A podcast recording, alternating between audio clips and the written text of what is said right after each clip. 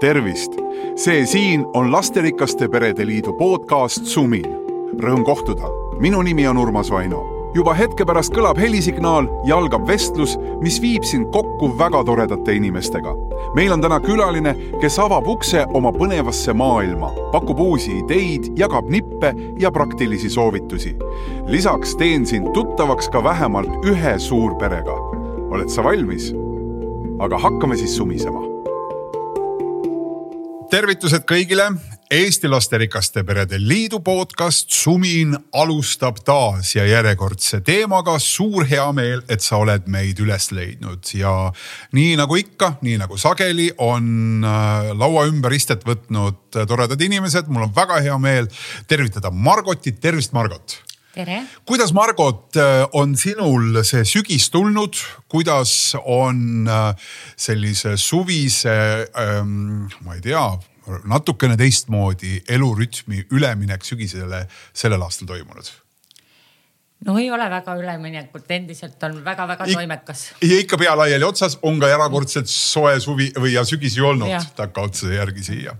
No väga tore, Margot, me räägime täna rahast. kui sa peaksid enda nagu suhet rahaga kirjeldama, mis see siis võiks olla, kuidas, kuidas kumb armastab kumba rohkem, sina raha või raha sind? minu jaoks on äh, raha eelkõige vahend äh, või võimalus teha neid asju, mis, äh, mida teha meeldib see on selline vastus, mille ma võiksin leida kümme aastat vana Postimehe kuskilt nagu finantsrubriigi nagu Võimalik. tarkuse nurgast. aga nii ta on no aga ikkagi, kas, kas on nagu lihtne saada kokku kõik see või, või siis on raske see, kuidas, kuidas sa ise tunned seda, et milline sinu suhe rahaga on? ma ütleks, et ma saan hästi, üsna hästi hakkama. aga kogu pere peale mõeldes? jah, kogu pere peale mõeldes, mina ju oma pere eest vastutangi, et ahaa, kuidas teil on, ühesõnaga teil on majas ikkagi nii, et sina vastutad ja, ja see ongi sinu vastutus? mina olengi üksi ja kolme lapsega. üksi kolme lapsega, nii et sina pead omad asjad ise kõik korda ja, ajama. ja sul ei ole kellegi peale loota, sul ei ole kellegi otsa vaadata. täpselt nii. on nii, no kohe saame hetke pärast rääkida nendest headest ja, ja, ja raskustest selle raha juures mm,. aga enne veel tutvustan Liisi Liisi Kirch on meil täna siis nii-öelda eksperdina külas ja Liisi tuleb täiesti erilisel päeval oma töökarjääris. just täna panid sa maha rahatarkuse koordinaatori ameti. nii on. kas on kergendus praegu või on natukene ikkagi kripeldab ka, et, et oleks võinud ju veel mingeid asju teha või et asjad oleksid võinud võib-olla olla sinu töö lõpuks veel paremini ma arvan, et rahatarkus on valdkond, kus alati saab teha paremini, rohkem, suuremalt, et eh, teekond, et Eesti oleks siis rahatark Eesti, ma arvan, et see teekond ikkagi jätkub. aga mina ise, ma tegelikult tunnen, et imelik on, et kott mu seljas on kerge, sest seal ei ole arvutit enam sees andsid arvuti ära? andsin arvuti ära ja, ja kiibikaardi ja kõik asjad andsin ära, et, et selline imelik tunne on, et, et ausalt öeldes täitsa ootan huviga, et mis nüüd saab. kui sa hakkasid rahatarkuse projekti koordineerima. mis see su eesmärk oli, miks sa seda tegema hakkasid? me kõik tahame teha tähenduslikku tööd mm, -hmm. me tahame teha äh, tööd, mis läheb korda, mis mõjutab. miks sina hakkasid rahatarkuse tööd tegema? mina leidsin rahatarkuse kui teema tegelikult aastal kaks tuhat viisteist, kui ma olin oma esimese lapsega kodus ja leidsingi selle teema, et ma tegelikult avastasin, et kuigi ma olen õppinud majandust, siis minu enda kursakaaslased, nemad tegelikult ei rakendanud sedasama rahatarkust oma isiklikus elus, et kui mina rääkisin investeerimisest, siis enamik nendest ütlesid, et aga meie seda küll ei tee. ja see kuidagi nagu näris mind niimoodi seestpoolt ja mis ma tegema hakkasin, hakkasin andma külalistunde, ma kirjutasin raamatut sellel teemal, ma uurisin ja puurisin ja ma testisin omaenda pere peal hästi palju asju läbi. kuni siis kaks tuhat kaheksateist lõpus ma sain selle kõne endiselt äh, rahatarkuse koordinaatorilt, et äh, Liisi, tule võta üle. ja minu esimene mõte, mis peast läbi käis, oli see, et jälle avalik sektor, et ma olen töötanud Eesti Pangas ja Finantsinspektsioonis ja siis ma olen töötanud ühe aasta õpetajana.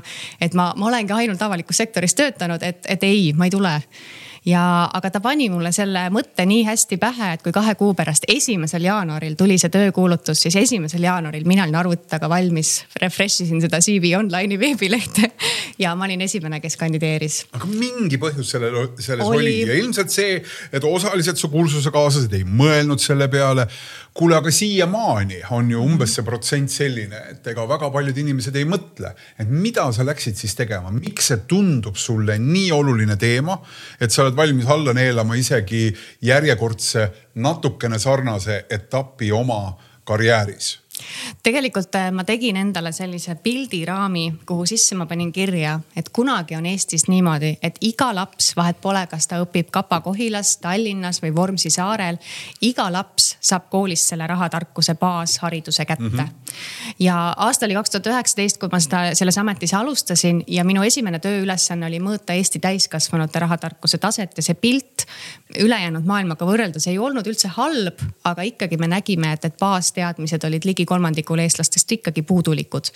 ja nüüd äh, peaaegu siis viis aastat hiljem me oleme teinud järgmise uuringulaine ja me näeme, et tegelikult see nagu muutus on toimunud ja muutus on toimunud võib-olla mitte nii väga vanemates vanuserühmades, aga just nende nooremate hulgas. ehk siis kõik need haridusalgatused, külalistunnid mm., konverentsid, igasugused programmid, ettevõtlik kool, junior achievement, edu ja tegu haridusprogramm, ettevõtlusõpe. kõik need materjalid, mis on loodud, et need tegelikult on kandnud nii palju vilja, et meie noored juba on teadlikumad, on targemad, nad investeerivad ja nad mitte ainult ei tea, mida nad peavad tegema, vaid nad päriselt nagu teevad ka, neil on säästupuhvrid ja asjad. ja nad äh, võtavad ka vähem laenusid ja nii edasi, et ma nagu tegelikult näen seda muutust, mida mina tahtsin näha kaks tuhat üheksateist, nii et kui ma kirjutasin pildiraami sisse, et koolis antakse rahatarkust, siis nüüd ma näen, et see vedur on nii käima lükatud, et mina saan astuda kõrvale ja see vedur läheb edasi. no väga tore, hoiame pöialt, saame kunagi hiljem kokku kokku aastate pärast vaatame, kuhu ta on läinud, eks ju, mis on aastatega veel muutunud. Liisi ja Margot täiesti käsi siin sellele ilusale tammisele lauale pannes. mina olen sellest põlvkonnast, kus äh, rahatarkus põhimõtteliselt äh, tuli kahest kohast. Äh, esimene oli Singer-Vingeri laul pealkirjaga Raha kus, äh, mis algas hästi maagiliselt, et koop, kas see on raske saak, eks ju, me kõik teame seda lugu. Ja kus lihtsalt öeldi, et põhimõtteliselt pappi tuleb ja papp saab kogu aeg otsa, eks ju, ja me kõik kogu aeg räägime sellest. ja teine tarkus oli see, et äh, siis just nimelt vasakpoolses kapis ülevalt kolmandal riiulil linade vahel oli emal siis selline nagu must suurem rahakott hästi vähe kasutatud ja seal vahel oli siis äh, mingil ajahetkel nagu sajarublaseid. ja põhiline oli muretseda selle pärast, et seal oleksid lillasid Lenineid, mis olid kakskümmend viis rutsi. ja kui seal oli neid piisavalt, siis sa võisid ühe ära võtta sealt. ja tema ei teadnud, ta ei saanud aru sellest, ta luges mõnikord üle ja süüdistas isa Mm -hmm. ja põhimõtteliselt see oli see rahatarkus, millega mina astusin ühel hetkel ellu, sain sõrmuse äh, sõrme ja alustasin oma elu ehk siis see oli nagu põhimõtteliselt, kui ma täna mõtlen tagasi nagu null teadmist. oma elu alguses null teadmist. Mark, kuidas sul oli? ma olen samast põlvkonnast, aga nendele, nendele teadmistele lisandus veel üks, et raha ei kasva puu otsas kust seda teada said? kodust, kodust. seda räägiti, eks ju, raekas puuotsus ja, ja, ja seda, seda ma mäletan ka. Öeldi veel seda juurde ka, jah, selles on sul mm -hmm. õigus, et, et ja õppimine on sinu töö mm, -hmm. eks ju, öeldi, et rassi, sa näed vaeva, õppimine on sinu töö. aga kuidas, kuidas oli äh, laenuleib ja, ja laastutuli? ei, need ei kõlba kuhugi, mingit laenu ei tohi võtta ja, ja, ja, ja, ja ometi tegelikult sellel ajal kõik olid kõigile võlgu, sellepärast et äh, palgapäevade lõpus ikkagi justkui mulle tundus, et mingi võlavärk oli. aa, ja üks asi oli veel tegelikult sellest rahatarkusest ja see oli ka väga huvitav asi, millest ma sain aru alles noh, ütleme võib-olla tõesti nagu peaaegu täiskasvanuks saades. minu jaoks kogu aeg oli maagiline mingi asi, mida tuli tasuda. ühesõnaga raha juurde käis alati poolik ja hiljem ma sain aru, et see oli pool liitrit ehk see oli väike viinapudel, eks ju. aga sinnamaani mulle kogu aeg tundus, et, et aga kes selle teise poole ära joob siis, et, kui inimesele antakse nagu poolik, et kes selle terviku siis või noh, et kuidas ta sinna poole peale saab, et, et ja kuidas seda mõõdetakse. ühesõnaga, see oli täielik nagu segadus ja sellest tegelikult nagu ei räägitud. noh, mingid korrad ma mäletan, kui ema nagu luges raha ja siis alati oli nagu sinna juurde natukene nagu nukitsamehes, et, et kõik on puudu et kogu aeg oli nagu mingi, mingi see, mingi see probleem uh, ja kui ma mõtlen nagu enda loo peale tagasi, siis mingigi arusaamine ja ma ei ole kindel, kas see üldse on piisav, mis täna on mul tekkinud, on nagu kogu aeg läbi valusate löökide olnud. kogu aeg on olnud nagu kõva mingi näpistamine ja pidev jama sellega. kuidas sinul, Liisi, kuidas sina nagu, sa oled natukene nooremast põlvkonnast, kuidas sinuni jõudis kohale see, et, et raha on miski, mille suhtes saab omada ka teadlikkust. Ja temaga käitumine nõuab tegelikult mingeid äh, teadmisi ja siis harjumusi, käitumisharjumusi no mina mäletan, et minu vanaemal oli selline rahakott seal kolmandal riiulil, et selles mõttes jah, ma vist olen üks põlvkond nagu edasi. aga ega kodus minule ka nagu ei räägitud väga palju, et mina mäletan, ma läksin ema käest küsima, et miks mina ei saa seda linnuraha, et see oli lihtsalt nii ilus rahatäht Eestis ja viiesaja kroonina kunagi. aga nagu väga palju ei räägitud, kuni siis ma olin kaheksateist ja ema lohistas mind panka ja ütles, et ma olen sulle kogunud mingit raha ja me paneme selle nüüd tähtajalise hoiuse peale. ma ei saanud üldse aru, millest ta räägib. ja kõige selle krooniks ma läksin õppima maja majandust ja ega meile seal ka ei räägitud, et kujutad sa ette, sa õpid majandussüsteemi, et kuidas see kõik nagu toimib ja meile räägiti aktsiatest ja optsioonidest ja kuidas ühte ettevõtet nagu hinna, hinnastada. aga meile ei räägitud nagu seda, et mida oma isikliku rahakotiga nagu üldse peale võiks hakata. ja ega see kõik tuli nii, nagu sa ütlesid, tulebki läbi nende kas valusate või vähem valusate kogemuste nii et kõik selline puhas iseõppimise rõõm mm. -hmm. aga noh, mis eelis mul nagu oli, oli see, et, et mulle kohutavalt numbrid meeldisid, mulle meeldis pidada nagu arvet, et kuhu see raha siis ikkagi läheb, sest et see hetk, kui ma sain esimese töökoha, mulle päriselt tundus, et, et see number, mis nagu iga kuu hakkas tulema, et see oli nagu mingi kosmiline number, mida ma teen selle rahaga, sest ma elasin vanemate juures, noh, minu kuluallikad olid see, et oli vaja lõunat süüa, riideid endale osta ja võib-olla autole kütust, aga et noh, sellega enam-vähem asi nagu piirdus nii et äh, ma hakkasin lihtsalt nagu testima ja vaatama, et, et kõik see, millest nagu ülikoolis räägiti, just see investeerimise pool. et mina alustasin nagu sealt ja siis ühel hetkel mulle nagu jõudis väga ka valusate löökide läbi nagu see kohale, et äh, kui sul ikka mingit puhvrit ei ole ja tuleb mõni ootamatu sündmus, siis äh, sul ei ole ka kuskilt võtta. ehk et selline läbi oma kogemuste õppimine, aga sealjuures oli alati nagu see, et aga, aga kõik puutuvad rahaga kokku. ma käisin kunagi külalistundi andmas, kas kuues või seitsmes jaanuar Rakvere Reaalgümnaasiumi esimese kuni kolmanda klassi lastele. see kuues-seitsmes jaanuar ja ma küsisin, kes teist sellel aastal on juba rahaga mingi tehingu teinud ja seal noh kaheksakümmend protsenti lastest julgelt tõstis käe püsti, et muidugi me oleme juba rahaga midagi teinud sellel aastal. et see on nii igapäevane ja kuidas siis saab olla, et me sellest üldse ei räägi nii et äh, sealt see asi nagu hakkas vaikselt peale, eks ma olen ka väga palju nagu ise neid ämbreid äh, läbi kolistanud. ütle kõige ja... nagu konkreetsem ämber, mis mm. sul on elus juhtunud, ikkagi mingi asi, mille pealt sa oled õppinud. tee sa otsast lahti, mul on kohe peale seda enda lugu. Äh, ma käisin välismaal õppimas, sain stipendiumi ja üks nendest stipendiumitest, üks osa oli siis transpordikulud. ja see transpordikulude stipendium nägi välja nii, et ma sain siis sõita kohale ja sain sõita sealt koha pealt tagasi, aga mina tulin tagasi ringiga. ma käisin läbi viie erineva riigi ja kusjuures ma tõestasin neile, et minu lennupiletid maksid vähem kui see otselennupilet Eestisse ja mis nad ütlesid, oli see, et, et see ei klapi reeglitega. sa pead kogu selle raha tagasi maksma, terve selle transporditoetuse, see oli ligikaudu tuhat eurot, mis oli minu jaoks tohutu suur summa. ja mul ei olnud mingit puhvrit. ja noh, mis siis juhtus, oli see, et, et ma kraapisingi seda raha kokku ja mul oli iga kuu lõpus, ma küsisin oma ema käest laenu ja see oli minu jaoks nii piinlik, ma olin kakskümmend üks. Ehm, ma käisin tööl, mul oli noh täis töökoht ja ma küsisin ema käest laenu, et see oli nagu, ma ei tea, nagu emotsionaalselt oli see niivõrd raske ja ma teadsin, et vot seda ma enam teha ei taha ja see oli see eluline õppetund, et sul läheb vaja puhvrit, sest et elu ei hoiata ette, millal sa pead stipendiumi tagasi maksma ja kui sa sealt edasi lähed, millal su pesumasin katki läheb, millal su lastel kõikidel korraga on vaja hambaid ravida või noh, mida iganes. ehk et see puhver, mis ideaalis võiks olla kuni kuue kuu kulutuste suurune summa, see peab igalühel olemas olema. ja isegi kui sa küsid tegelikult eestlase käest, et kas sa säästad, kas sa paned midagi kõrvale? jaa muidugi panen liisi, kuidas, kuidas sa küsid sellist küsimust.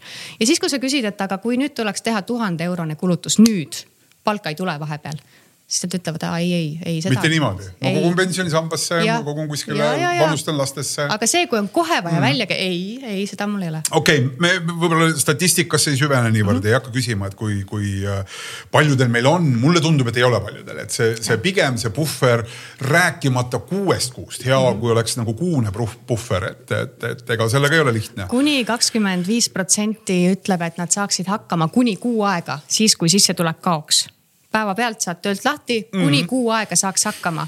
ja seal on tegelikult äh, umbes kakskümmend viis protsenti on ka neid, kes saaksid hakkama kuni kolm kuud. et, et. ja ülejäänud tegelikult ei saa no just nimelt, eks ole, et, et meil on tegelikult probleem ja probleem on just nagu mingi väga kindel nagu ühiskonnagrupp. Margot, äh, kas sul on mingi lugu, mis, mis sulle näppu lõikas, mis õpetas sind kuidagi rahaga teistmoodi ringi käima? ma, ma olen olnud sellises seisus siis, kui mul äh, üks laps veel oli, et mul oli äh, korralik viiekohaline summa võlgu, kohtutäiturid, kõik asjad arestitud, firma, autod mm. -hmm. ja siis ühel hetkel lihtsalt tundsin, et kõik, ma ei taha rohkem niimoodi elada. et, et see oli see, see äh, piir ja otsustasin, et, et kui ma olen nelikümmend, siis ma olen võlgadest vaba mis.... ja võtsin lihtsalt kätte ninaverist, veri ninast välja. kui sa korraks veel meelde tuletad, mis olid need kohad, kus need võlad olid tekkinud Tead, siis? lihtsalt ületarbimine, krediitkaardid, äh, mingid väikelaenud, asjad, siis vaatad, et ah, see hakkab hapuks minema, siis refinantseerid, selline korralik, korralik halbade otsuste lumepall mm. -hmm. aga sa tulid välja sellest? jah väga tore, ära nüüd küsi, ma tahan ka ennem rääkida veel, minul oli täpselt samasugune kogemus mm -hmm. ja, ja, ja selleks hetkeks meil küll oli olemas juba kaks last ja, ja ühel õhtul ja see oli reede õhtu muidugi, selles mõttes, et ega seda tehaksegi reede õhtul, oli toas sellisel moel pime. Ja, ja muidugi noh, nüüd on nagu erinev mälestuse pilt natukene, et kas me teadsime, et see võlg on seal või ei teadnud, aga igal juhul oli selge et Eesti Energia ei olnud saanud äh, juba mõnda aega piisavas koguses rahasid kokku, see summa lõpuks ei olnud liiga suur, sest et me suutsime selle uue nädala alguses nagu ära maksta, aga seda sai teha alles uuel nädalal. ehk siis sa võisid küll ära maksta selle kohe sellel samal reedel, aga tehnik, kes oli elektri välja lülitanud reedel, sai tulla alles esmaspäeval. et väga-väga-väga nii-öelda korrigeeriv liigutus ja, ja me olime ilma elektrita nädalavahetusel kodus. põhimõtteliselt oli õnneks, et oli matk kabliit olemas, mille peal sai gaasi peal süüa teha, muidu ei oleks sooja sööki teha saanud ja nii edasi. kriisiharjutus. ja täielik kriisiharjutus, mida põhimõtteliselt võiks seda teha ju ka praegu vaadata, eks ju, et kuidas ma elektrita hakkama saan. aga see oli mega häirekell selles mõttes, et kuule, et kui sul on äh, miski asi selliselt nagu, nagu fookuse alt väljas ja me lahendasime selle asja väga lihtsalt äh,. abikaasa muutus väga äh, nii-öelda eelarveteadlikuks, hakkas pidama Excelit ja meil on aeg-ajalt siis sellised regulaarsed koosolekud, kus nagu mingeid suuremaid siis äh, ettevõtmisi planeeritakse, vaadatakse need tabelid üle, kust midagi laekub, kust on mingid sissetulekud, millised on väljaminekud, mida saaks muuta kuidagi ja nii edasi.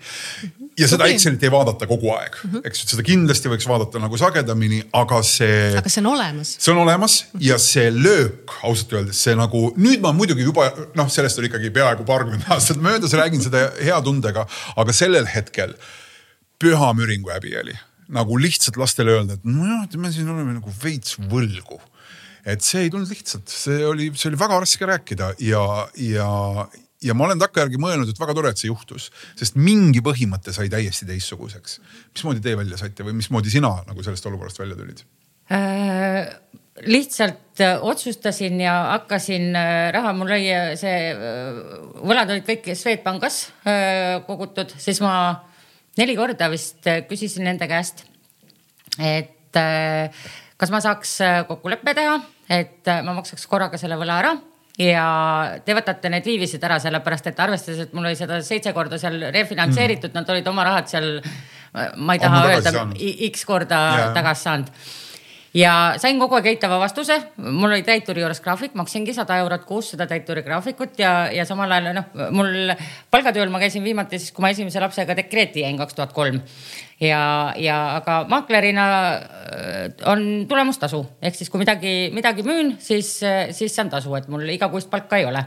ja siis ma lihtsalt nendest tehingute rahadest panin kõrvale ja jälle küsisin Swedbanka käest mõne aja pärast, kuni siis äh, viiendal korral nad ütlesid, et äh, Nad on nõus äh, pool viivistest äh, maha võtma sellest summast.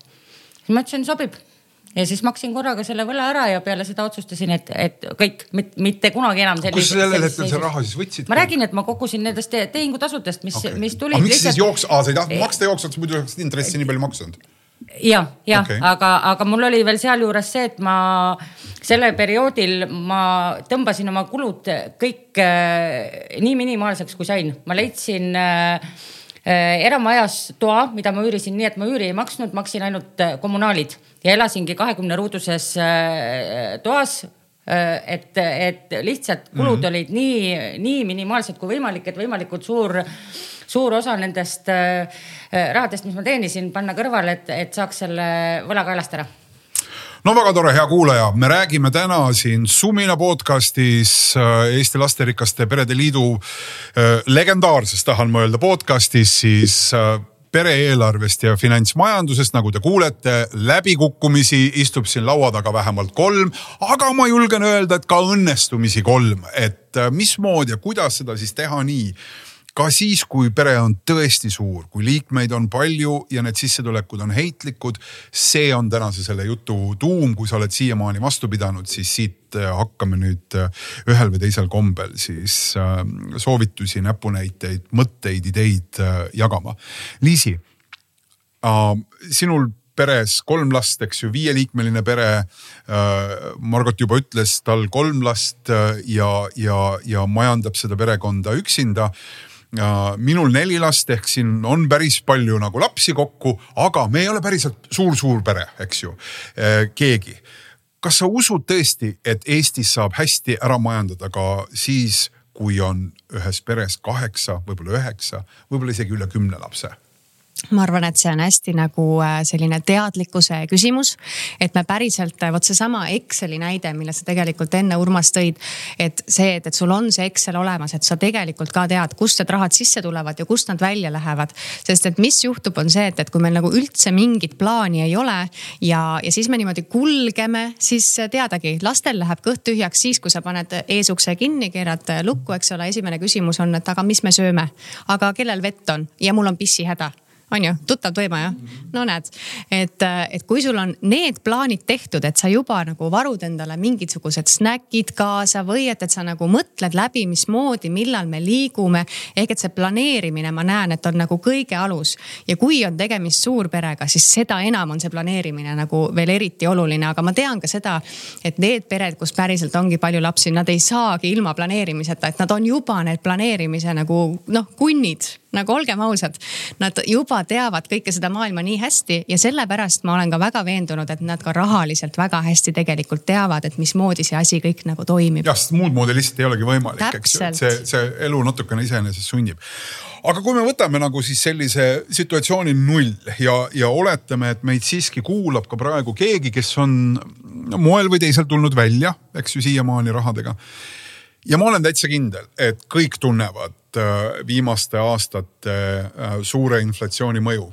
rääkimata sellest, kui juhtub olema veel äh, nii-öelda suhteid pangaga, kas siis kinnisvaraga seotud laenud, transpordiga seotud laenud, mis on kõik läinud kallimaks tänu intresside kasvule mismoodi ja juhul, kui ma olen siiamaani kuidagi hakkama saanud, ilma et ma teeksin seda Excelit või teeksin väga teadlikku plaani, Liisi, kuidas sellega üldse peaks pihta alustama, mis see hea lähtepunkt võiks olla?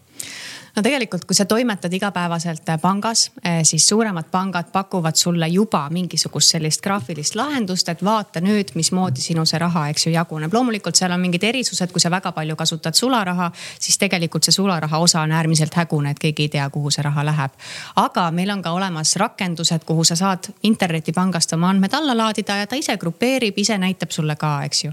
et tegelikult äh, tänapäeval tehnoloogia ja kogu see maailm on nii palju edasi läinud, et meil ei ole vaja enam tegeleda tšekkide kogumise ja sealt pealt siis ükshaaval nende kirjete nagu üleskirjutamisega, mida ma olen kusjuures ka teinud ja see oli väga silmi avav harjutus, et ma näiteks panin päriselt kirja, kui palju ma suudan kokku hoida, kui ma kasutan neid Maxima kaarte ja Rimi kaarte ja see oli kümme kuni viisteist protsenti minu toidueelarvest.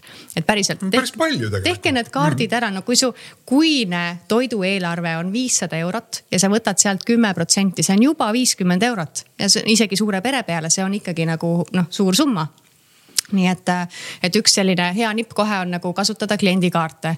aga ma mõtlen nagu ka seda, et mõnes mõttes eh, on raha teemaga natukene ka nii, et kui me hakkame nagu oma seda teadlikkust tõstma, et nii, et me peame nüüd sellega tegelema, tavaliselt elu nagu sunnib, on ju. siis eh, tegelikult me teame ka ise neid kohti, kust me saaksime kokku hoida mm. -hmm. et näiteks mul oli ühel koolitusel, mul oli angaaritäis meesterahvaid töötunkedes ja me rääkisime siis oma kulud, kulutamismustritest, sest üldjuhul on tegemist harjumustega ja siis ma küsisin, et aga kus te kulutate siis nagu ülemäära palju või kas teil kellelgi tuleb üks koht ja siis nad seal kõik pomisesid natuke niimoodi nina all, noh. ütlesid, et tankla mõtlesin tankla, noh, ma pean ka autot tankima või noh, ma ei saanud üldse aru, millest nad räägivad.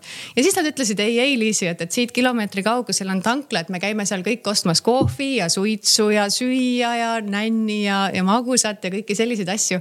ehk et nad tegelikult teavad ja ma arvan, et kui nagu üks pere hakkab süvenema, siis nad isegi ei pea nagu ülemäära palju neid numbreid kirja panema, muidugi mm -hmm. kõigil kohe tuleb, kui ma teie käest küsiksin praegu, tuleb no tankla vist ei ole, aga põhimõtteliselt tankla jah, jutumärkides. küllap see igapäevase, ma olen mõelnud lihtsalt seda, et igapäevase nii-öelda selle jooksva kulutuse suurus on kindlasti asi, mida saaks palju paremini kuidagi ja, kontrollida. ja see on täpselt see lumepalli mm. efekt on ju, et äh, ma sõidan täna korraks Boltiga, sest mul on kiire, ma tahtsin siia ruttu jõuda, sõidan Boltiga, homme mul on jälle Miks kiire. seda Bolti näidet tõid, see oli just esimene asi, mida ma mõtlesin, et ma ei ütle, sest mulle tundub no. see nii oluline, nii mugav linnas kiiresti sõita. no see on jälle natukene selline nagu, et, et loomulikult, kui sul on ühe korra vaja, et, et siis sa kasutad. ühe korra ühes päevas. aga kui see on selline, ühe korra ühes päevas, aga kui see on selline harjumus ja tegelikult sa lööd nagu kuu lõpus kokku kõik need väikesed neli eurot, viis eurot, seitse eurot ja kui kuu lõpus on see nagu sada kolmkümmend eurot, noh siis see on nagu too much on ju. aga minul see tšekimajandus näiteks aitas küll väga eh,. Lähed, käid toidupoes on ju, no ütleme, millal ma seda, seda tšekimajandust, see võiski üks äkki seitse-kaheksa aastat tagasi olla, et võtsingi reaalselt absoluutselt kõik tšekid ja panin omale tabelisse, et vaadata, et, et kuhu, kuhu palju kulub ja iga kord, kui käisid poes, läks viiskümmend eurot. vahet ei ole, kas sa käid iga õhtu poes, üle õhtu poes või kaks korda nädalas. et nüüd ma näiteks äh, teadlikult tellin kulleriga, siis ei ole seda, et, et lähed kõik oma päevatoimetused oled ära teinud. käin kiiresti poest läbi ja siis on, kõht on nii tühi, et nälg võtab silmanägemise ära ja siis, siis. igal pool on oranžid sildid. ja, ja, ja nüüd võtan seda, võtan, võtan seda on ju, nüüd, nüüd ma tellin kulleriga ja ma sain, mul läks enne kuskil siis, kui ma seda tšekimajandust arvestasin, see oli kuskil suurusjärk äh, seitsesada, kaheksasada eurot läks kuus söögi peale ja, ja see on nagu äh, müstiline summa, arvestades, et ei ole, ei ole nii suur pere mm. -hmm. et nüüd, nüüd on, on rahulikult seal ütleme neljasaja, viiesaja vahel mm. -hmm väga hästi. sa oled ise isegi väitnud, ma kuskil lugesin sinu, sinu mingites lugudes, et põhimõtteliselt äh, sina oma viieliikmelist pere majandad ära saja euroga toidurahaga nädalas jah, eh, see sada eurot ei ole nüüd selles mõttes reaalsus, et sada eurot oli see näide, et sellega me saaksime ilusti hakkama ja okay. me ei tunneks millestki puudust. praegu, kui ma vaatan numbritele otsa, siis keskmiselt kuus on ikka selline neli-viissada eurot. et noh, ma, ma nagu näen ka, et, et me selles mõttes, me ei pea ennast kuidagi pidurdama, meil ei ole rahaliselt kuidagi raske. et ma ei mõtle selle peale nii palju, sest mul ei ole hetkel seda vaja, aga kui oleks vaja, siis ma tean, et sada eurot nädalas, et ma arvan, et meil isegi jääks üle sealt ehk siis põhimõtteliselt juba see nii-öelda teadlik lähenemine, mida kindlasti paljud teevadki mm, -hmm. aga kindlasti on ka võimalus, eriti kui me hakkame rääkima, et midagi peaks panema kõrvale mm -hmm. ja peaks otsima neid kohti, kus siis endale leida seda võimal-, kõrvalepanemise võimalust, siis tegelikult nad on olemas. muidugi, muidugi on olemas ka minul, et selles mõttes, et ma usun, et sul on täpselt samamoodi, et kuigi sa jälgid, sa teed oma nagu tabeleid, eks ole, täidad, et aga ikkagi igalühel meist on nagu mingid kohad ja mõnes mõttes ei pea nagu ka juuksekarva lõhki ajama, et, et noh, see on okei okay,, kui see kuidagimoodi nagu ei pitsita sind. aga minu meelest on ka oluline näide oli seesama, kui Covid algas ja kui teenindussektori töötajad väga paljud jäeti koju ja nad said nelikümmend protsenti sellest palgast, mis nad eelmine kuu said. ja keegi ei teadnud, millal see asi lõpeb. mulle kirjutasid mu endised klassikaaslased, et Liisi, mis nüüd saab et ma maksan ära oma kodulaenu ja mul ei jäägi rohkem üle. null puhvrit, jälle seesama näide, et, et kui sul puhvreid ei ole, et noh, tegelikult sa oled väga haavatavas olukorras. ja siin kusjuures ei ole isegi oluline, et kui suur su pere on või milline on su sissetulek. ikkagi, kui puhvrid on puudu, siis see on ohukoht kuidas sa neid kulutusi siis tegelikult nagu planeerid, nii suuremaid kui, kui väiksemaid, mida sa siis teed selle juures, kuidas see nagu sinu nii-öelda käsitluses käib ja, ja, ja mida siit võiks siis soovitada neile, kes, kes alustavad alles? Mina kasutan sellist asja nagu eelarve ehk et mitte lihtsalt see, et ma kirjutan nagu ülesse, et, et äh, vot täna käisin poes ja kulutasin viiskümmend eurot toidukaupadele, vaid mul on nagu, kui kuus on nagu ette pandud mingi summa. ja see on kusjuures ka nipp, et kunagi, kui ma kolisin oma tänase abikaasaga kokku, siis ta ütles mulle, et päriselt, et sa lihtsalt nagu lihtsalt tuimalt paned Excelisse kulusid kirja, et ma ei ole, ma ei ole nõus sellega. ja see lõi nagu minu kulude pildi täiesti segi, sest et tema ju maksis osasid asju ja siis maksin mina ja siis noh, issand, et nüüd me ei saa enam keegi aru, et palju meil siis nagu kulub. Liisil olid silmad praegu suured nagu tõllarattad no,. absoluutselt. nii, nii ja siis ma mõtlesin, et aga, aga mul on vaja teda pardale, mul on, mul on vaja, et tema ka seda asja teeks, sest mina tahan nagu jälgida.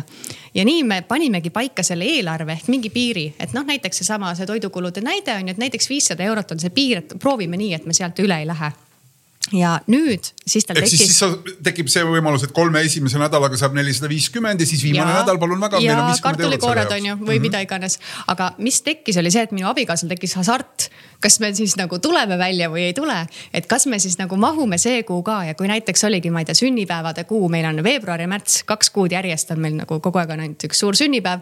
ja, siis tal tekkis see, et noh, et kas meil nüüd ka mahume nagu sinna viiesaja sisse ja kusjuures, kui me ei mahu, siis ta ütleb, et pole hullu, me vaatame aasta keskmist kohe läheb ilusamaks nii et meil on nagu see eelarve ja mm. niimoodi me nagu teame ja noh, seal on nagu ka need suured kulutused, et näiteks korra me käisime Uus-Meremaal reisimas ja ma ostsin lennupiletid kaks tuhat viissada eurot.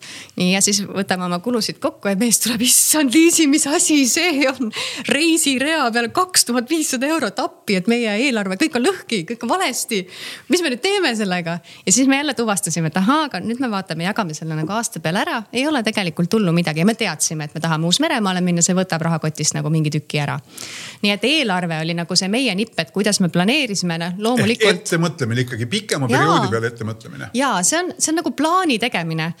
Mitte nagu siis see... jooksev kuu ainult, vaid, vaid kui pikalt see eelarve sul ees on siis? meil on nagu aasta keskmine ja me vaatamegi aastat kui tervikut, noh siis kaks tuhat kakskümmend kolm. nii kaks tuhat kakskümmend kolm, noh nüüd ei ole seda palju jäänud, eks ju mm -hmm. enam, aga, aga siis seal on iga kuu kohta mingi kulutus siis näiteks reisimisele. Ja. ja siis sa võtadki, kulutad selle võib-olla aasta alguses suure osa summast ära, et siis reisida võib-olla aasta lõpus alles. Aasta teises pooles. ja absoluutselt, aga nii käibki, et me vaatamegi seda aastat nagu tervikuna mm -hmm. ja loomulikult me vaatame vahepeal ka üle, et kuule, et nüüd laps vahetab trenni ja see järgmine trenn, mille ta valib, et see maksab nagu tunduvalt rohkem, siis ma saan aru, et, et minu eelarve lihtsalt ei klapi enam selle tegelikkusega. aga mida ma näen, on see, et eelarve on tegelikult plaan ja nii nagu sa planeerid oma puhkusereisi, et noh, lennukipiletid vaja osta, autorent vaja kinni panna või me esimene majutus või noh, mis iganes, me tahame näha seda, teist ja kolmandat. nii sa teed ka oma rahalise plaani ja see tegelikult hoiab sind juba ree peal ja sa nagu noh, oskad ka ette arvestada, millal sul on vaja osta lastele neid talveriideid. ja Liis, aga selle juurde sekkub siis äh, elu reaalsus, okei okay, mm., reisiga ta ei sekku, aga seda, et külmutuskapp kapp, hakkab köhima ja ütleb, et hm, et nüüd on mul see genekas mm -hmm. või asi, mis mul seal äh, vastu vastuseina on, on läbi ja mm., ja on vaja osta uuem ja noorem suguvend siia äh, seda jahutustööd tegema. kuidas Just. sa nende asjade vastu ennast näed, elu tuleb kogu aeg uksest aknast sisse? üks õpetaja kunagi ütles ja minu meelest see töö, nagu töötab nagu nii hästi, et ta ütleski, et aga mul ei ole ainult üks pangakonto, sest et kui ma panen raha kõrvale ja samal ajal hoian seda selle pangakonto peal, kust ma maksan piima ja kommunaalarveid, siis juhtub see, et see lihtsalt nagu kaob ära, kulub ära niimoodi sujuvalt. -hmm. jah, ma ei märkagi seda, aga kui ma teen nagu mingi kõrvalkonto, ongi minu unistuste Itaalia reisikonto, minu koduelektroonikakonto, minu autoremondikonto, konto, minu ähm, hammaste remondikonto, mida iganes. et ma panen nagu jagan selle raha niimoodi ära, alguses on nagu jube imelik, igale kontole läheb viis eurot, kümme eurot, noh kuhu ma siis välja jõuan.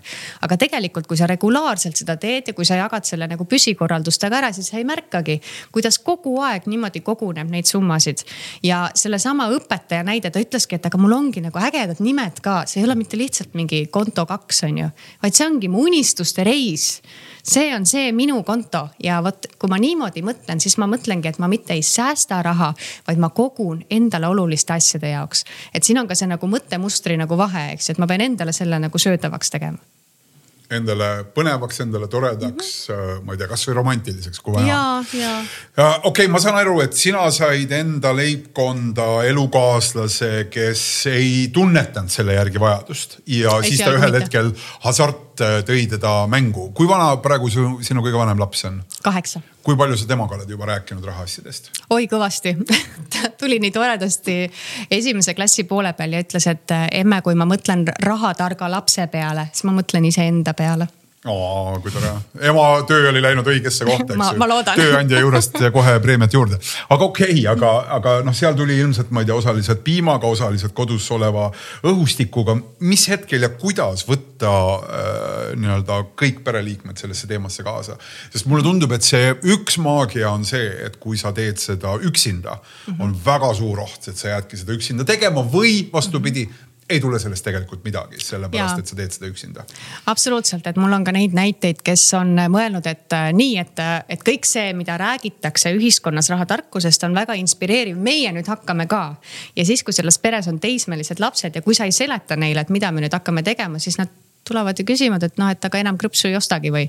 kas me enam kinos ei käigi, kas nüüd ongi nii või et, et noh kõik on nagu pea peal, et emme, et mis, mis nüüd toimub mm. -hmm. et tegelikult see on väga õige märkus, et sa pead rääkima selle oma perekonnaga läbi. ja näiteks kui asi puudutabki nüüd äh, reisiraha kogumist, siis noh, mis neil saab selle vastu olla, aga sa pead kommunikeerima ka nii, et kõik nagu saavad aru, et mille pärast me teeme neid muutusi. nii et, äh, et meie teeme seda niiviisi, et me näiteks planeerime nädala menüüd kõik koos ja see käibki nii, et ma käin ja küsin igaühe käest, mida sa tahad järgmine nädal süüa. no tahaks. no kui ta vastab iga kord, ma ei tea, pelmeene ei vasta iga kord. esimesed kaks või kolm korda võib-olla ta vastab mm, -hmm. aga mhm. siis on tal kopp ees ja siis ta hakkab tahtma pitsat. või et kas me võime nii teha, et me tellimegi väljast mingi õhtu ja kui ma juba tean sellega arvestada, siis ma olen jälle selle planeerimise faasis, eks ju. et äh, ma saan ise oma kuludega paremini hakkama, kui me räägime nagu kõik koos. ja samamoodi on lihtne näidata, noh, kui sul ongi see tabel juba olemas mm, -hmm. aga näita siis lapsele.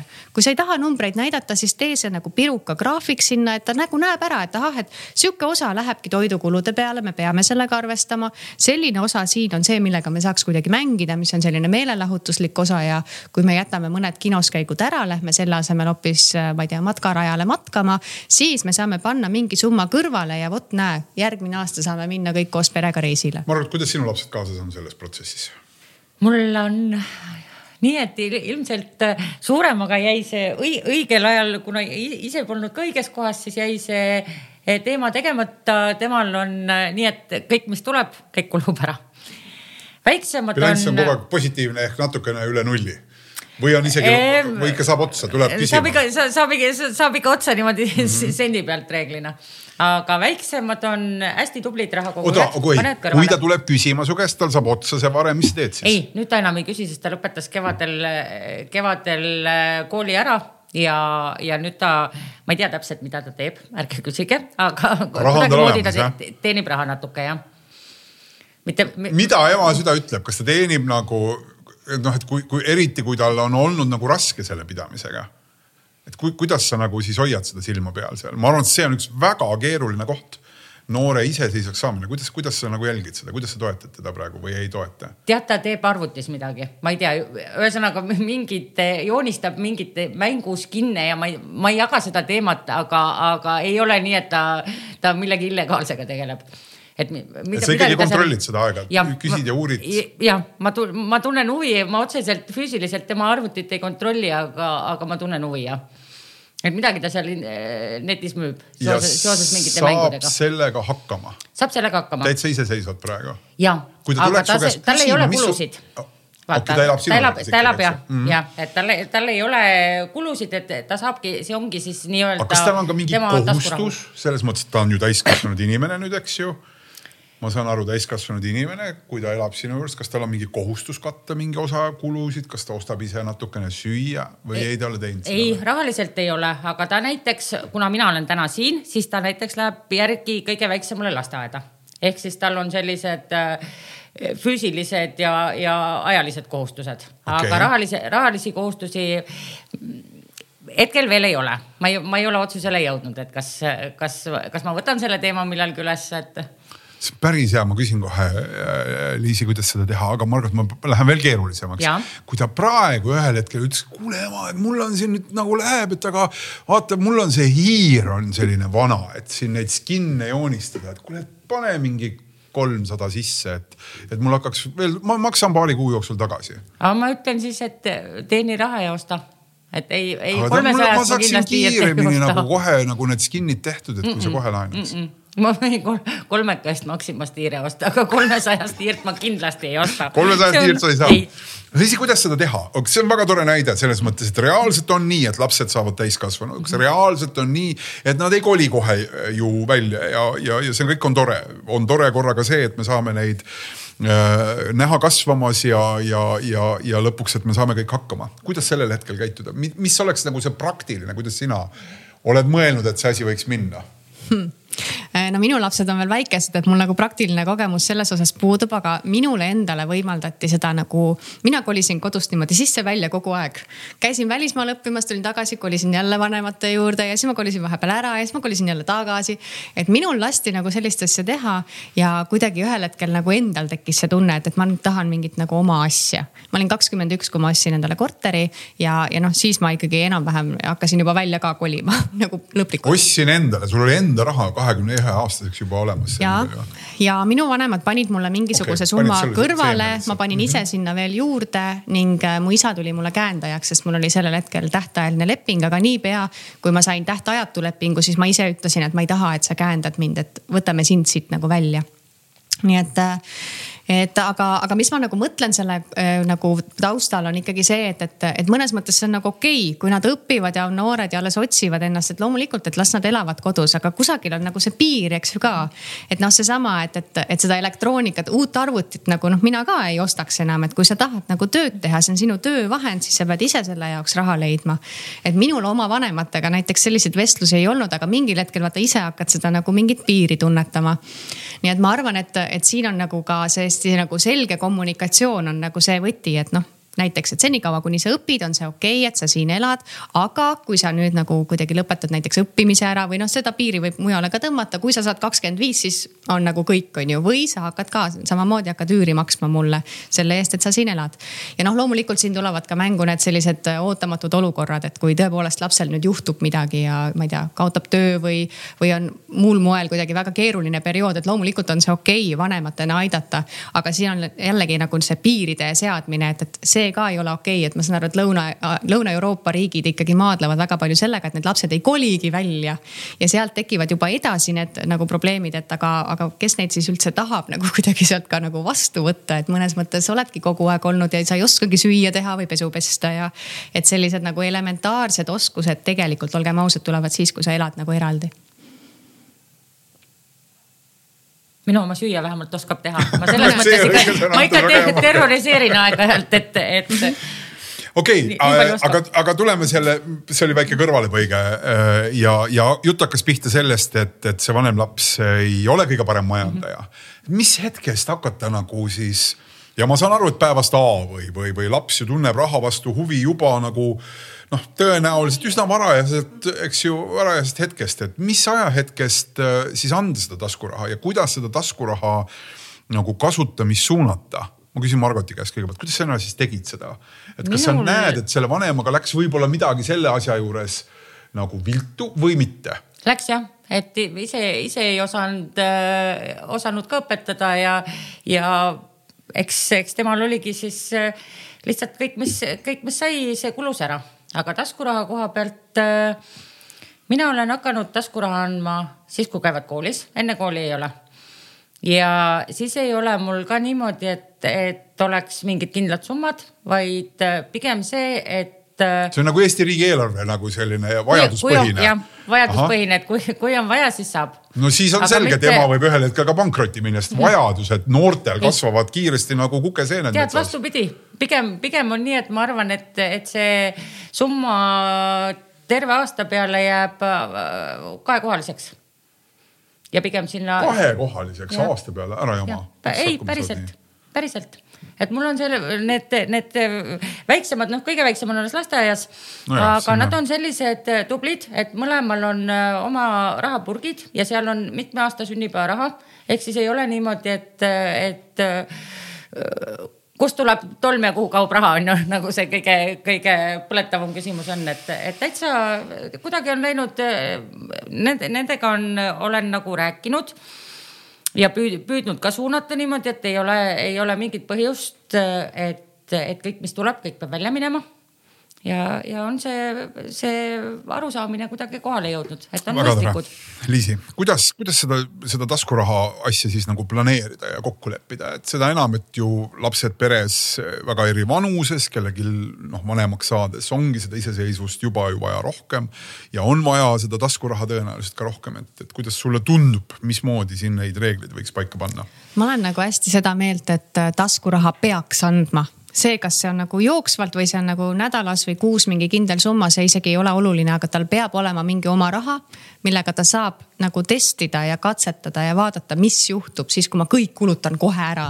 või mis juhtub, kui ma kogun ja, ja ma ei tea, tahangi endale osta rula või, või ratast või noh, mida iganes, eks ju. et ta peab nagu saama neid kogemusi ja hea on, kui ta saab need kogemused enne, kui ta kolib kodunt välja, sest et muidu nagu see reaalsus lihtsalt lajatab nagu kõige täiega ja ma olen nagu nõus selle mõttega, et, et lasteaiaealisele ei ole vaja anda taskuraha, eriti noh, sellist nagu regulaarset taskuraha, sest et esiteks ta ei oska sellega arvestada. tal ei ole seda abstraktset mõtlemist, et me just tegime, tellisime siis veel ministeeriumi alt rahatarkuse õpiväljundite mudelit. ja see mudel oligi arengupsühholoogidega kooskõlastatud ja nad ütlesid, et aga ta ei suudagi analüüsida või nagu sünteesida, näha nagu seoseid. et see ongi okei okay,, see on eakohane. nii et äh, ma olen nõus, et ei peaks andma. lasteaias. lasteaias mm -hmm. just, aga kooliealine. kuule, aga eh, vanavanemad, mingid onud-tädid ju ikka aeg-ajalt panevad ümbrikusse ja nii edasi, mis siis selle rahaga teha? kui ta ise käib, alles ongi lasteaia eelviimane, viimane rühm, mis siis, kuidas siis aidata seda? no mina, minu lapsed näiteks näiteks senikaua, kui nad lasteaias olid, siis nad tegelikult kogusid selle raha kõik kuhugile purki. kõige lihtsam lihtsalt. absoluutselt, et tal on mingi oma purk ja siis ma nagu, ma isegi ei teinud sellega nagu mitte midagi, ma ei tuletanud meelde või ma ei öelnud, et kirjuta üles või noh, mitte midagi, see oligi lihtsalt nagu üks mingi purk, üks selline koht. Eh, nüüd on tulnud ka see teema, et emme, aga me tahame ka panna raha kasvama ja siis ma olen teinud neile nii-öelda see kogumiskontot ka, kus me siis nagu kasvatame mingit summat ja kokkulepe on, et kui nad on kümme, et siis nad nagu justkui saavad sellise vahepeatuse teha teha, et kas ma tahan midagi välja võtta, kas ma tahan edasi koguda. mis me nüüd siis teeme, et see kümme on nagu vahepeatus ja sealt edasi vaatame, et mis siis saab. aga eh, kui laps nüüd läheb juba kooli, siis sõltub hästi palju sellest, et milline ta päev on. ja oma lapse näitel, minu eh, kõige vanem laps on kolmandas klassis ja tal on näiteks niiviisi, et ta läheb reedel poole kaheksaks kooli. tal on kell kümme lõunasöök eh, ja siis järgmine hetk ta tuleb koju, ta lõpeb muusikakool kell pool viis kella kümnest poole viieni, see on nii pikk aeg. ja nüüd on minu asi nagu vanemana mõelda, et kas ma annan talle raha et ta saab minna ja osta midagi siis endale vahepeal süüa. siis on jälle küsimus, kas sa annad juhised ka, et ära mine nagu kommi ostma, sest et see komm noh ei kesta ju kaua. vaid et äh, mine käi, osta pirukat või mine käi vot selles või teises söögikohas, mine söö seal natuke midagi korralikku ka. või ma annan talle siis kaasa mingisuguse korraliku toidu. ma leian, et me peaksime võib-olla ka natuke varieerima, et mõnikord on see nagu toit on tal kaasas, aga mõnikord ta saab ise otsustada. sest siis see on jälle nagu see kogemus rahaga, et mida ma siis teen ja kui mul jääb nüüd üle, siis see on justkui nagu minu raha, et ma pean nagu ise nagu majandama, mõtlema läbi. või et kui tal ongi noh, ma ei tea, ma annan talle viis eurot kaasa, et siis ta ei saa nagu minna ja nagu kõike võtta korraga, sest et noh, tal jääb siis ju puudu. et sellised nagu kogemused, kui tal ongi nagu ka noh, mingi kohustus, ma arvan, et see on nagu ka oluline, sest tegelikult, kui me nii mõtleme. mis sa mõtled mingi kohustus? kohustus selles mõttes, et vaata, kui ma lihtsalt annan talle taskuraha ja kui tal tegelikult, ta ju sööb ju kodus ja ta mm -hmm. sööb koolis. kõik tema baasvajadused on kaetud, tal on soe tuba, riided seljas väljas, kõht täis. aga nüüd, kui tal ongi vot see eriti pikk päev, siis tal on ju see kohustus, et ta peab vahepeal nagu midagi sööma mm. -hmm. ehk et see raha ei lähe talle mitte lihtsalt selle jaoks, et ta saabki osta kommi või noh, mingit nänni, mida tal tegelikult vaja ei lähe. vaid et ta peabki ostma endale süüa ka, et tal on nagu mingi selline asi seal taga. samamoodi vanemate lastega, kui nad noh, ma ei tea, neljas-viies klass, võib-olla juba kuues äkki. et äh, kui hakkab kooliaasta tulema, sa annad talle mingi summa ja ta peab ostma ära kõik vajalikud vihikud, kõik vajalikud pliiatsid, käärid, liimid, paberid, mida iganes neil on vaja. mingid riided ehk et tal on kokkuleppeline summa ja siis ta peab ise nagu arvestama. et kuidas ma teen nii, et mul jääks sealt veel üle seda kommiraha, sest see on ju see noh, nii-öelda maasikas või präänik, mis nad tahavad sealt saada. aga et mul on kõik vajalikud asjad ka olemas. Ehk et ühel hetkel tahaks nagu anda seda raha rohkem, et ta saaks seda nagu rohkem majandamise kogemust, aga koos nende kohustustega. et see nagu võib-olla õpetab rohkem, et noh, just, et mm -hmm. ta ei astuks nagu sealt kodust välja ja ainuke, mis ta teab, on see, et kusagil oli see rahakott, on ju kui palju sa oled mõelnud, noh, ma saan aru, et sinul nagu ei olegi seda võimalik, võimalik olnud teha, sest nad on ju noored alles, aga mm., aga kui palju peaks tegelikult siis kontrollima seda, kuhu ta pärast seda raha kasutab. et et, et ilmselgelt noh, paar esimest korda tõmbab ulguv tuul kohe sealt taskust kõik välja. Ja Muidugi. see on okei okay,, ma saan sellest aru, eks ju, aga et mingil hetkel peaks ju õppima ikkagi aru saama, et hmm, et kui mul esimese kahe päevaga saab kõik otsa, siis ülejäänud viis päeva, kui see on nädalane tsükkel, on probleem. Või mm -hmm. siis vastupidi, isegi mingil hetkel see peaks olema ju pikem samm. Mm, -hmm. ses mõttes reaalses elus on meil need rahad ikkagi ju laia, enamasti nagu kuu aja peale kui palju sa pead nagu õigeks, et seda nagu üle vaadata siis, kuhu see kulub ja, ja siis olla seal selle osas kriitiline, sest teisest küljest sa oled andnud selle raha ja järelikult selle rahaga koos tegelikult peaks liikuma mingi kogus usaldust, eks ju, et kasuta mm -hmm. ise, kuhu sa tahad no eh, mina oma lastega olen nii teinud, eh, see laps, kes mul nüüd koolis käib, et eh, tema saab siis kindla summa nädalas ja miks nädalas, sellepärast et noh, nädal on see aeg, mille ta suudab nagu ära planeerida, on ju. Kuu aega ma leian, et on nagu liiga vara, et noh, võib-olla mõne aasta pärast proovime kuu ajaga kaupa ka. aga mis ta veel teeb, on see, et, et tal on selline pisikene märkmik ja ta kirjutabki üles taskuraha pluss kolm eurot. ja nüüd ma ostsin kommi seitseteist senti, jäätist viiskümmend üheksa senti, ta kirjutab ise neid asju ülesse ja siis see selle nagu arvepidamisega ma tean, et osad äh, rahatarkuse edendajad oma lastega ongi teinud selle skeemi, et ma annan sulle taskuraha siis, kui sul on arvepidamine korras. tule näita mulle ette ja siis sa saad oma Tuleb taskuraha. taskuraha. Jah, või et see taskuraha on ka nii seotud, et poole saad sa nagunii, aga poole saad siis, kui arvepidamine on korras ehk et ka nii saab teha või siis on nagu variant teha nii, et äh, kui ta tahab näiteks koguda mingi suurema asja jaoks ja siit ka nagu jälle üleskutse, et ärme ostame oma lastele kõike, mida nad soovivad, et, et proovime ka tekitada seda nälga, et nad tahaks nagu ise koguda, et, et tahangi rula osta, emme ei osta mulle, ma pean ise koguma. või ma tahan endale uut telefoni või nutikella või noh, mis iganes on parasjagu see popp teema, mille -hmm. jaoks koguda ja et ta siis ise teeb selle protsessi läbi, et nii, ma tahan rula, rula maksab kuuskümmend eurot, et ta ise otsib välja, kust ta selle rula saab. nii, ja nüüd, kui mu nädala taskuraha on kolm eurot, sünnipäevarahasid on mul alles kolmkümmend eurot, mitu nädalat mul aega läheb. kas ma pean tegema järeleandmisi, et ma ei lähe kommi ostma, mida ma teen teistmoodi, et ma jaksaks seda raha nagu koguda, eks ju.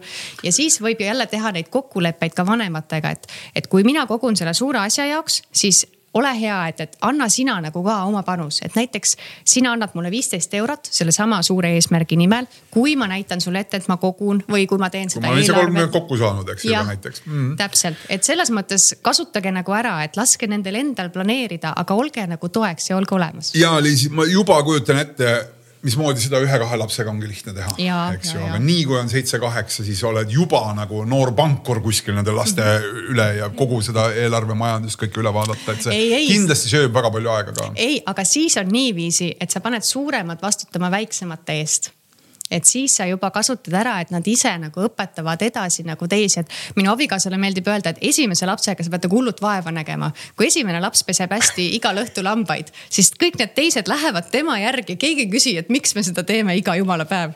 et ma ei tea, kuidas sinu kogemus on, et on ju nii, et esimesega ja, on nagu. küll tegelikult jah kõige vanem ei pidanud justkui raha kinni kõige paremini, eks ju. aga, aga samas mingites asjades tõesti on nii, kui ta suudab eeskujuks olla, siis ta tuleb järgi. ja, et öeldakse, et alates kolmandast pole enam vahet, palju neid on täpselt, täpselt, täpselt no väga tore, hakkame vaikselt võib-olla seda juttu siin äh, nii-öelda kodu poole ka koordineerima. üks asi on ju kool ja, ja, ja mõtleme selle kooli konteksti peale ka. esiteks äh, on muidugi ootus nagu koolile, et kool võiks ju ka midagi seal teha, aga kui ma mõtlen kooli peale, siis ma saan aru, kui palju on ühiskonnal ootusi sellele, et vot kool võiks teha seda või teist või kolmandat või neljandat. seksuaalkasvatus, liikluskäitumine, keskkonnateadlikkus mm -hmm. ja you name it. veel umbes, äh, ma ei tea, sõbralik laps, eks ju, ja mhm. võimekus teistega suhelda ja initsiatiivikas, liikuda armastav, initsiatiivikas ettevõtluse suhtes, ole hea mhm. kool, eks ju, aita.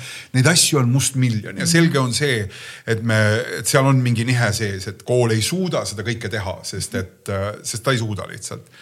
kuidas nagu, mis sulle tundub, Liisi, mis võiks olla nagu paigas äh, siis skeemis seesama rahatarkus ja, ja kool, sest lõpuks on meil ikkagi mingi väike käitumisvõimalus või käitumise suunamise võimalus sees äh, kuidas reguleerida, ma ei tea, kokkuleppeid selles samas klassis või, või nii edasi, et mm -hmm. kuidas sa ise oled selle üle mõelnud? No minu laps tuli esimese klassi poole pealt ja ütles, et mina olen küll hirmus rahatark ja mina kõike tean, kuidas mul ei ole vaja puhvetisse minna ja kuidas ma kogun raha ja noh, tead suured ja väga üllad eesmärgid. aga kui tuleb vahetund ja kõik mu klassikaaslased jooksevad korraga puhvetisse, siis juhtub see, et mina tahan ka, ma lähen lihtsalt karjaga kaasa. ja ta ütleski mulle, ta oli sellel hetkel kuueaastane, ta läks kuueselt kooli, ütles, et emme, palun, kas sa tuleksid, annaksid ühe rahatarkuse tunni mu klassikaaslastele ka. ja sellega asi ei piirdu, võta need vanemad ka kokku, ütle, et nad ei annaks nii palju raha, miks mina pean kogu aeg siin tead tugema sente, aga teised kõik kulutavad nii nagu. nii et see näitas mulle, et ainult see, kui me kodus teeme, sellest ei piisa, sest et need pered, kus kodus tehakse, neid on veel nagu liiga vähe, me ei ole seda kriitilist massi veel saavutanud. niisiis on nagu väga tore, kui koolis tehakse midagi ka ja ma ei pea üldse silmas, et see peab olema eraldi rahatarkuse aine. noh, me lihtsalt venitaksime need laste koolipäevad nagu liiga pikaks. aga rahatarkus on selline teema, mida imehästi annab siduda matemaatikaga, keeleõppega, kõik need erinevad terminid, mis seal on. seda annab siduda isegi liikumisõpetusega, et, et noh, kasvõi selleni välja, et kas sul on vaja jõusaali kuukaarti või sa võiksid niisama käia ka jo, noh jooksmas näiteks looduses. nii et, et tegelikult neid teemasid tuleks nagu siduda ja mida meie nagu vanematena saame teha, et me saame ka küsida, et rahatarkus kui teema on ettevõtlikkuspädevuse all täiesti sees olemas. iga kool, iga õpetaja peab midagi tegema, et seda ettevõtlikku hoiakut, sealhulgas rahatarka käitumist õpilasteni viia. et küsida, mida me siis teeme, kas me teeme midagi, et natukene nagu suruda ka siitpoolt sest materjal on olemas, õpetajad käivad õpetajate mentorklubis, mis ka keskendub mm. just selle rahatarkuse teema edasiandmisele. ehk et tegelikult eh, kõik see teema nagu liigub sinna kooli okay, poole. ma saan aru, siis sa käisid seal koolis ka rääkimas lõpuks. ja loomulikult käisin. sina käisid mm, -hmm. ma ei tea, mis selle mõju oli, et kas sa, kas sa oled näinud või oled saanud nagu pilti ette mm, -hmm. et mida siis pärast seda lapsed hakkasid teistmoodi tegema? ega tõsi ongi see, et, et sellest ühest külalistunnist on liiga vähe muidugi ja me peamegi nagu süsteemselt ja pidevalt seda teemat käsitlema ja nagu mida aeg edasi minema järjest keerulisemaks, ei ole mõtet rääkida investeerimise maksu nüansse esimesele klassile, noh neid ei huvita see teema. aga me peame ikkagi nagu need baasteadmised kuidagi põimima sinna haridusteesse niiviisi sisse, et sealt koolist tuleb välja see inimene, et kui tuleb see kriitiline hetk, et siis ta mõtleb, ahaa, oota, me rääkisime. Ja kõik ja ma olen nõus kõigega, teoreetiliselt olen kõigega nõus, aga, aga kas kas, kas sa kuidagi nagu oma lapsega rääkides või, või et, et kuidas sa nagu muutsid seda pilti või see tegelikult mm -hmm. ei ole ikkagi muutunud, et ta ikkagi jookseb nendega koos. võib-olla ei osta siis sealt puhvist midagi, püsib mm -hmm. lihtsalt, räägib kellegagi juttu seal järjekorras, eks ju mm. -hmm. et kuidas, kuidas sa nagu reaalselt sellest olukorrast välja tulid? ma arvan, et sellega on nagu see asi ka, et ma seletasin talle hästi palju seda, et mida see suhkrulaks tegelikult nagu ka teeb, et noh, sa korraks tunned seda energiapuhangut, aga see läheb väga ruttu ära ja siis sa tahad seda järgmist. ehk et see sõltub nagu või noh, seda saab nagu siduda nii palju sellise nagu tervisekäitumisega käitumisega või seesama, et hambad peaks ju puhkama kolm tundi vahepeal. et me Eks räägime kõike seda. püüdsid selgitada seda, miks ja, ja, ei ole mõtet sinna ostma minna. just, et ma nüüd näen nagu seda, kuidas ta tuleb koju ja ta on enda üle uhke, et ma käisin sõbrannaga koos poes ja ma ei ostnud midagi et see on nagu sellised nagu väikesed mingid märkamise kohad ja siis on jälle minu asi nagu olla toeks, öelda, et oo väga hästi, kuule, oota, mille jaoks sa kogusid? ahah, see oli see rula on ju, noh, kuule väga hea, et sa kogud rula jaoks raha, et ma siis nagu kuidagi tuletan talle meelde, et miks ta siis seda teeb. et noh, ma ei, ma ei, ma ei, tegelikult ei tea, kas mu meetodid toimivad, mu lapsed on alles nii noored, aga mida ma näen, on see, et, et kuna meie peres on see nagu niivõrd igapäevane teema ja, ja noh, me arutame ka selliseid asju söögilauas, et ma ei tea, meil on üürikorter, mida see tähendab, et keegi teine maksab maksab meile üüri ja siis see on nagu igakuine rahavoog ja kuidas me seda siis kasutame. Mm. noh, me räägime neid nüansse niimoodi täiesti casual'i, see on selline tavaline normaalne teema. et ma ise arvan, et nad ühel hetkel tulevad nagu küsima, et aga kuidas mina saan seda korterit või, või kui ma korterit ei saa, siis mingid muud võimalused, kuidas ma siis nagu kasvataksin seda raha. nii et noh aga see on minu lootus, me peame mingi me aasta tegema kordussaate. natukese aja pärast teeme kordussaate. Margot, kuidas sina oled nagu siis nende noorematega, kui sa ütlesid, et vanem ei ole võib-olla nii hästi, hüppame nagu saates päris pika jutu jagu tagasi, aga et, et mida sa oled noorematega teinud ja, ja nüüd olles kõikidest nendest asjadest läbi tulnud, mis kunagi olid, eks ju, mis olid kunagi Äh, takistused äh, ja, ja ebamugavused ja, ja probleemid nagu sinu juures, et mis sa oled muutnud oma käitumises ja, ja kuidas sa siis noori, nooremaid lapsi oled aidanud? meil on ka rahateema on väga selline äh, avatud.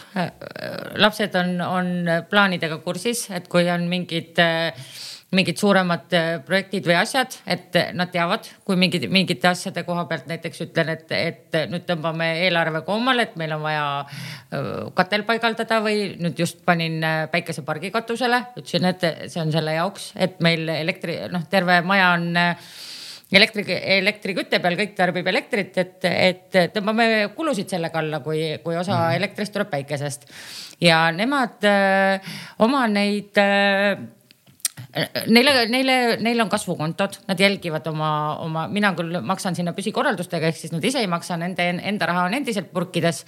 aga eh, vaatame aeg-ajalt seisud üle, et kuidas on, kas on plussi poolele liikunud, on miinuse poolele liikunud.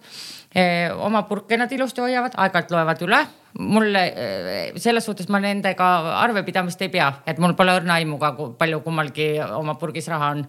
aga jah meil on, on selline aktiivne teema jah. mis Margot selle ülemineku juures kõige keerulisem oli sinu jaoks selle, selle nii-öelda planeerima hakkamise juures, et ühest küljest sa muidugi nägid üsna teravalt ja selgelt ära, eks ju, et kuhu see viib.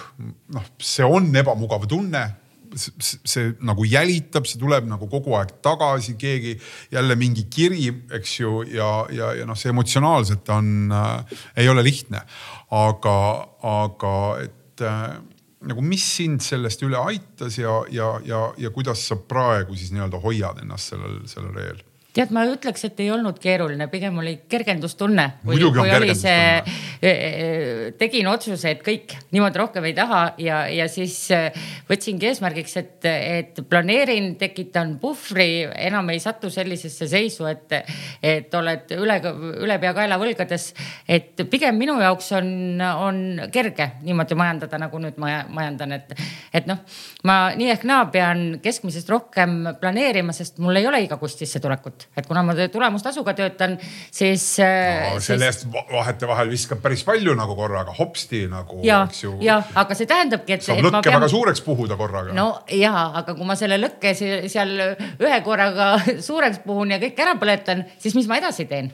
et mul, mul selle, selle võrra pean, pean keskmisest rohkem planeerima, et, et mul võib olla ka nii, et kuude kaupa ei tule üldse sissetulekut. aga kas ei teki nagu seda sellist kiusatust, et oh, nüüd tuli suur summa, et, et mida kõike nüüd teeks? Ei. sest mingid asjad ei. on tegemata ikkagi, et nüüd on tükk aega see katel või teine või need päiksepaneelid. ja just, kuna ma juba viimased seitse aastat kõpitsen sellist vana maja elamiskõlblikuks, siis mul on see nimekiri seal, et garaažist on vaja teha esik ja teisele korrusele trepp ja teise korruse küte ja nüüd just ehitasin saunale uue katuse onju. et mul see jagub, et mul seda, seda, seda probleemi ei ole, et kulutaks nüüd kõik ära, et midagi pole teha. siht on paigas. aga ikkagi ma arvan, et lõpu, lõpu nagu see moment mm, -hmm. kas sul on praegu praegu tekkinud mingi ikkagi enda jaoks mingi reserv ka, et kui ja. tõesti ei tule, ei tule, eks ju. et siis äh, kui lihtne seda reservi oli tekitada? ma ei oska öelda ega, ega ta üle, ülemäära lihtne ei ole, aga ma ei saa öelda ka, et oleks hirmus keeruline olnud. ühesõnaga. see on kõik seda... planeerimise ja ettemõtlemise küsimus. miks ma seda küsin, on ju ikkagi see, et äh, kui kipub olema nii et me kulutame kuu lõpuks ära kõik, mis tuleb mm. -hmm. ja nii kipub olema enamus Eesti peredel, Eesti, enamus Eesti inimestel. siis enamasti see põhjendus selle juures, et miks ma ei pane kõrvale või miks ma seda ei muuda, on ju see, et aga mul ei ole midagi kõrvale panna, sest mul kulubki kõik ära aga tulebki ma ei kõigepealt. saa panna kõrvale, mida sina ütled nende jaoks, kes tunnevad nii või mõtlevad oma minul läheb püsikorraldustega kuu alguses äh, endale erinevatele kogumiskontodele, investeeringuteks, lastele kasvukontodele. kõigepealt paned selle ära, mis tahad kõrvale panna ja siis ülejäänu jagad ära, vaatad, et mille jaoks sul kui palju vaja on kõigepealt tuleb muidugi selgeks teha, mis su, mis su kulud on, eks. ma tean oma aasta keskmisi, palju elektri peale läheb, palju vee peale läheb, palju toidueelarve on ja siis, siis kõige, kõigepealt panedki need, mis sul on vaja enda selle mm, meelerahu jaoks, need paned kõrvale ja oma investeeringud ja pärast selle ülejääva raha jagad ära. et ei, mitte kõigepealt ei kuluta ära ja siis, siis vaatad kuu lõpus, et pole noh, et nii Liisi käest küsin kohe viimase küsimusena täiesti seda, et kuskohast siis nagu pihta hakata, et kui, kui ma olen kogu selle jutu ära kuulanud ja siit saanud mingi tõuke, et võiks seda muuta. Margot, siis ütle enne sina, kus sa abi said selles mõttes, et see ei saanud tulla ise? ise ikka. ei no, no miks sa ise. siis varem seda ise ei teinud, sa ei mõelnud ju kõiki neid asju käigu pealt ise välja, kes sind aitas sellel teel nagu selle tee peale? varem järelikult polnud piisavalt valus inimene muutub siis, kui, kui kas ise hirmsasti tahab või on piisavalt valus seal kohas Ehk olla. sa ütled, et tegelikult sellega sa said hakkama täiesti üksinda. elu, elu õpetas. mul ei ole väga suurt äh, turvavõrgustikku. ei no ma ei tea, mingi pangas keegi nõustaja või kuskil ei. mingi, ma ei tea, mingis ühingust või keegi kuskilt, mitte keegi. mitte keegi. said hakkama ise, mõtlesid välja ja. kõik need süsteemid. jah, ise mul vanasti vanemad ütlesid, ise on lautas saba rõngas, kui ma ütlesin, tahtsin midagi ise teha no,. aga on. sina suutsid teha midagi täiesti ise, nii et see on võimalik kõigil. see on tegelikult teaduskirjandus ütleb, et ongi teachable moment, et kui sa nagu selle hetke nagu tabad ära, et nii valus on, vot nüüd enam ei saa, et siis sa mõtled nagu mingi teise süsteemi, sest et sa tead, et samamoodi enam ei saa. et see tegelikult toimib, aga on väga palju inimesi, kes peidavad lihtsalt pea liiva all ja loodab, et äkki läheb nagu mööda, äkki see hajub ise ära mm. ja noh, ei haju tegelikult. et võib-olla see on nagu hästi hea näide, et sina oled ettevõtlik inimene inimene, võtsid ise käsile, tegid ise korda ja selle käigus lõid need süsteemid, mis sulle sobivad. et aga kui on nüüd selline nagu, kuidas ma nüüd ütlen noh, inimene, kes, kes ei mõtle nagu ise välja, et tema tegelikult, mina ütleks, et saab väga hästi kasutada ära oma lapsi. et lapsed on ju see motivatsioon, miks me tahame teha paremini, miks me tahame olla nagu paremad eeskujud. ja mõnes mõttes seda rahatarkust, kui sa nagu tunnedki, et noh, see on nagu võõras teema või ma ei tea sellest ülemäära palju aga võtke oma lapsed oma motivatsiooniks ja te ei pea hakkama lugema keerulisi investeerimisraamatuid, mis võib-olla tunduvad nagu väga segased. võtke selline raamat nagu Tom õpib rahamängu, lasteraamat laste keeles, lugegegi koos oma lastega. Tom saab sünnipäevaraha, kulutab kõik ära ja siis need asjad on kõik kas katki või ära söödud ja noh, oli ju raha, aga nüüd enam ei ole, mis siis nüüd saab? et hästi selline eluline, lihtne, õpetlik või järgmisena Koer nimega Money, selline raamat Bodo Schäfferi kirjutatud väga tore ja lugegegi koos lastega neid raamatuid ja siis tegelikult nagu omaenda laste Liisi, nimel. ikka seal on, kuule, küsin sihukest lasteraamatut ka. ei, aga laste, lasteraamatud on just väga. ma palun väga, nüüd selgub, et sa ikkagi lugesid ei, kusagilt mingi abisaid. mul oli endal juba. siis, kui juba pilt sees oli, okei okay.. kuuest hakkasin harima no, ehk siis mingid aastad, aastad et tegelikult last, lapsed on, on see motivatsioon, et teha paremini, et lugegegi lasteraamatuid. me tegime see... lasteaia viimases rühmas jõulukingitus oli see Tom õpib no, raamängu. suurepärane näide. keskmisele lapsele noh, et siis, siis temaga koos lugesimegi või, või kas, kasvõi arutada, arutada lastega koos, et no aga mis siis saab, kui meil ei ole seda puhvrit, no mis siis saab mm, -hmm. kui, kui ühel päeval auto läheb katki, et kuidas me siis hakkama saame, et tegelikult selliste lihtsate eluliste arutluste käigus, kui me proovimegi avatult sellest rahateemast rääkida, juba nagu tuleb nii palju tarkusi, me mõtleme tegelikult ise nii palju välja. et me oskame eestlastena tegelikult väga hästi majandada, aga küsimus ongi, et need nagu teadmised vahel ei jõua sinna käitumisse, et kuidas nagu seda poolt ja ehk siis tuleb leida iseendasse Tõnisson ülesse, kellel värvli vahel alati oli natukene ja Joosep. Toots teadis, et sinna tuleb küsima minna. pigem tahaks ju olla need Tõnissonid kui Joosepid selles olukorras ja nii ma selle vestluse lõpetuseks loodan ja usun, et tegelikult on seda võimalik endal ise ka sellist, sellist situatsiooni luua. Liisi ja Margot, suur aitäh teile selle vestluse eest. suur aitäh kuulajad teile selle jutu kuulamise eest, kui tekkis ideid, kui tekkis mõtteid, on väga hea kui julgete ja tahate neid jagada, on veel parem, hea meelega paneme silma peale ja saame osa teie mõtetest ka. aga uus podcast'i episood ootab sind juba või kui on kõik kuulatud, siis hakka otsast peale, meil ei ole mitte midagi selle vastu ja oleme väga tänulikud, et te seda teete. Eesti Lasterikaste Perede Liidu podcast Sumin oli see ja täna olid siin külas siis äh, rahatarkuse eestvedaja Liisi Kirch ja Margot, kes on koos eluga õppides saanud äh, endale külge tiitli rahatark